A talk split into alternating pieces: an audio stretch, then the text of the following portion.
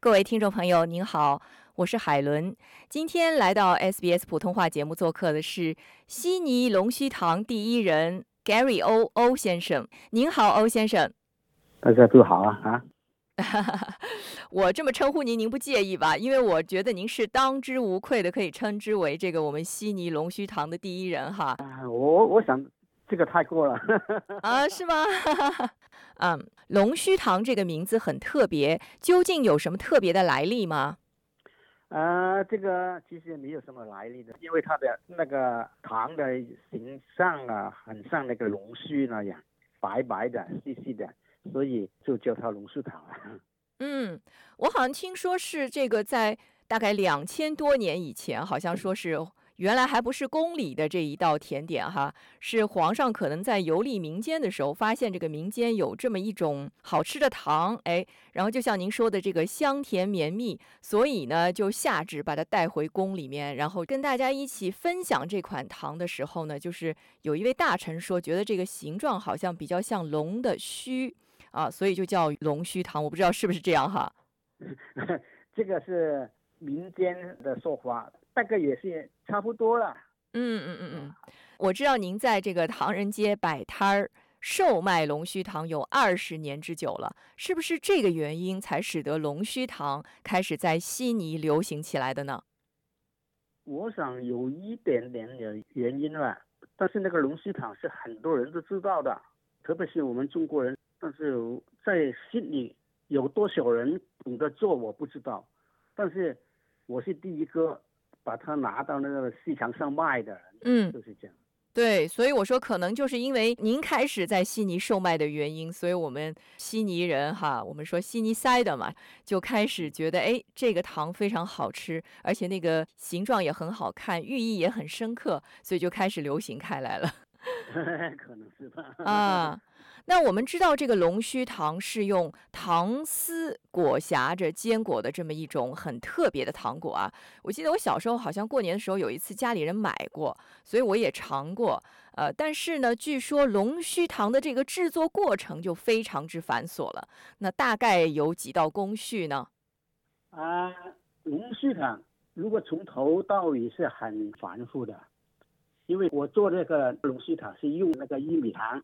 从玉米一直到龙须糖的成品是很复杂、很复杂的，这个是我们的老祖宗那个时候做的，但是现在啊，那个做法是简单很多了，因为我们不需要从那个玉米做成那个玉米糖那个程序啊，现在我们可以在 supermarket 啊啊网上啊什么地方都可以买得到那个糖，买回来你得把它放在那个锅里边煮。把它煮到一百三十摄氏度就可以了，然后把它凉下来，你在那个糖的中间打一个洞，然后把它折叠拉开，在这里再拉开，一直到十二次。如果会烧菜的朋友，可能做葱油饼啊之类的，也是要做一个面团，然后中间挖一个洞，然后就变成一个环状了啊。对，这个我觉得是很相似的哈。呃，这个开启的。对，然后我听您说的这个就是。拉丝儿啊，这这些可能就是跟我们拉面的原理是一样的，就折过来。然后您这边是一共要十二次，那这个十二次折完之后又会发生什么呢？十二次以后就是成了四千零九十六条幼丝，然后包裹那个馅料，在那个糖丝中间放一点花生芝麻椰丝，把它包起来。这就是龙须糖了，就是您说的那个糖丝吧？可能等您把它所有的都拉完以后，肯定也是一个长条状，是不是？对对，好像一把头发一样啊。然后您是不是也要用刀切一下，然后在每一个里面再裹一点坚果？哎，芝麻、椰丝跟花生，然后把它卷起来，这就好了。对，对对对。哦，但是我感觉技术含量还是很高的。我跟您说，欧先生，那关键还是您这个技艺比较超群，真的，因为我觉得看那个老师傅拉拉面都是挺难的一件事儿，何况糖这个东西又很黏，我不觉得我那么快就能掌握这种技术。老师说，这是要时间去慢慢体会。嗯，这种技巧嘛，不是我可以传递给你的，是要你自己去感受，自己去体会。拉这个糖太大力，它会断；太小力拉不开，还有那个用力的方向是有前后左右向上一体型的那个用的力，什么时候用多少力，什么时候用小的，什么时候拉快一点，什么时候拉慢一点，这个是不能够告诉你的，是一定要你自己去体会的。就是只能意会不能言传，而且还得通过无数次的这个记忆的锤炼，才能如火纯青，是不是这样？是啦，是啦。那您大概就学做龙须糖吧，一共花了多长时间呢？怎么才才学会？这是很难说的。如果我第一次拉那龙须糖之后，那师傅教我的时候，我是用了十五分钟。哦。十五分钟我就把那个糖拉出来了，但是那个糖很难看的。嗯，你在家里可以自己试试，很容易，但是拉的好看不好看是很难有一个标准的。嗯，但是到我现在这个水平吧，那么很瘦了。那您当初为什么会想起来要去专门学这么一门手艺的呢？就是我是看到那个师傅做这个龙须糖，我感到很有兴趣。于是就跟他学，我是感到好玩，我就自己玩。每一次失败，我要不服输，我要再试一次，一直是这样试，试的可以啊，我就拿出来卖，就是这样。所以我们说功夫不负有心人嘛，可能就是在无数次的这个失败之后，终将会换来成功的喜悦哈。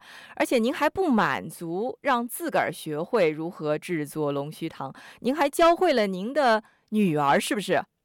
我也不是刻意的教他的，就因为我做那个龙须糖，他有兴趣，慢慢慢慢学，那个时间也是很长的。他当时是十三四岁吧开始学的了，嗯啊，但是现在是三十年过去了，他一直是跟着我做，我就一步步教他，给他一个糖，他拉不像样的时候，我就拿过来，再从那一步重新去教他，就是这样。所以关键还是得自己对这个事儿有兴趣。对对对对对，很粗糙的。嗯嗯嗯，明白了。本周六在 Parramatta 的农历新年庆祝活动现场，您又会给我们带来哪些惊喜呢？这是因为明年农历年嘛，是那个龙年。嗯，我们做这个是龙须糖，是有一点点联系在一起嘛，所以可能是比较多人去尝试。所以我就是要通过这个活动嘛，让更多人知道我们中国有特别的那个糖果。如果说在活动现场的当天，有人对龙须糖特别感兴趣，想拜您为师的话，您愿意收这个徒弟吗？你可以跟我学，但是我告诉他，不到三五七年是不可以学到的。嗯嗯，如果他有这种决心嘛，那么也没关系。好的，今天非常感谢悉尼龙须糖制作第一人 Gary O 欧先生来到我们 SBS 普通话节目做客，谢谢您。OK，没关系。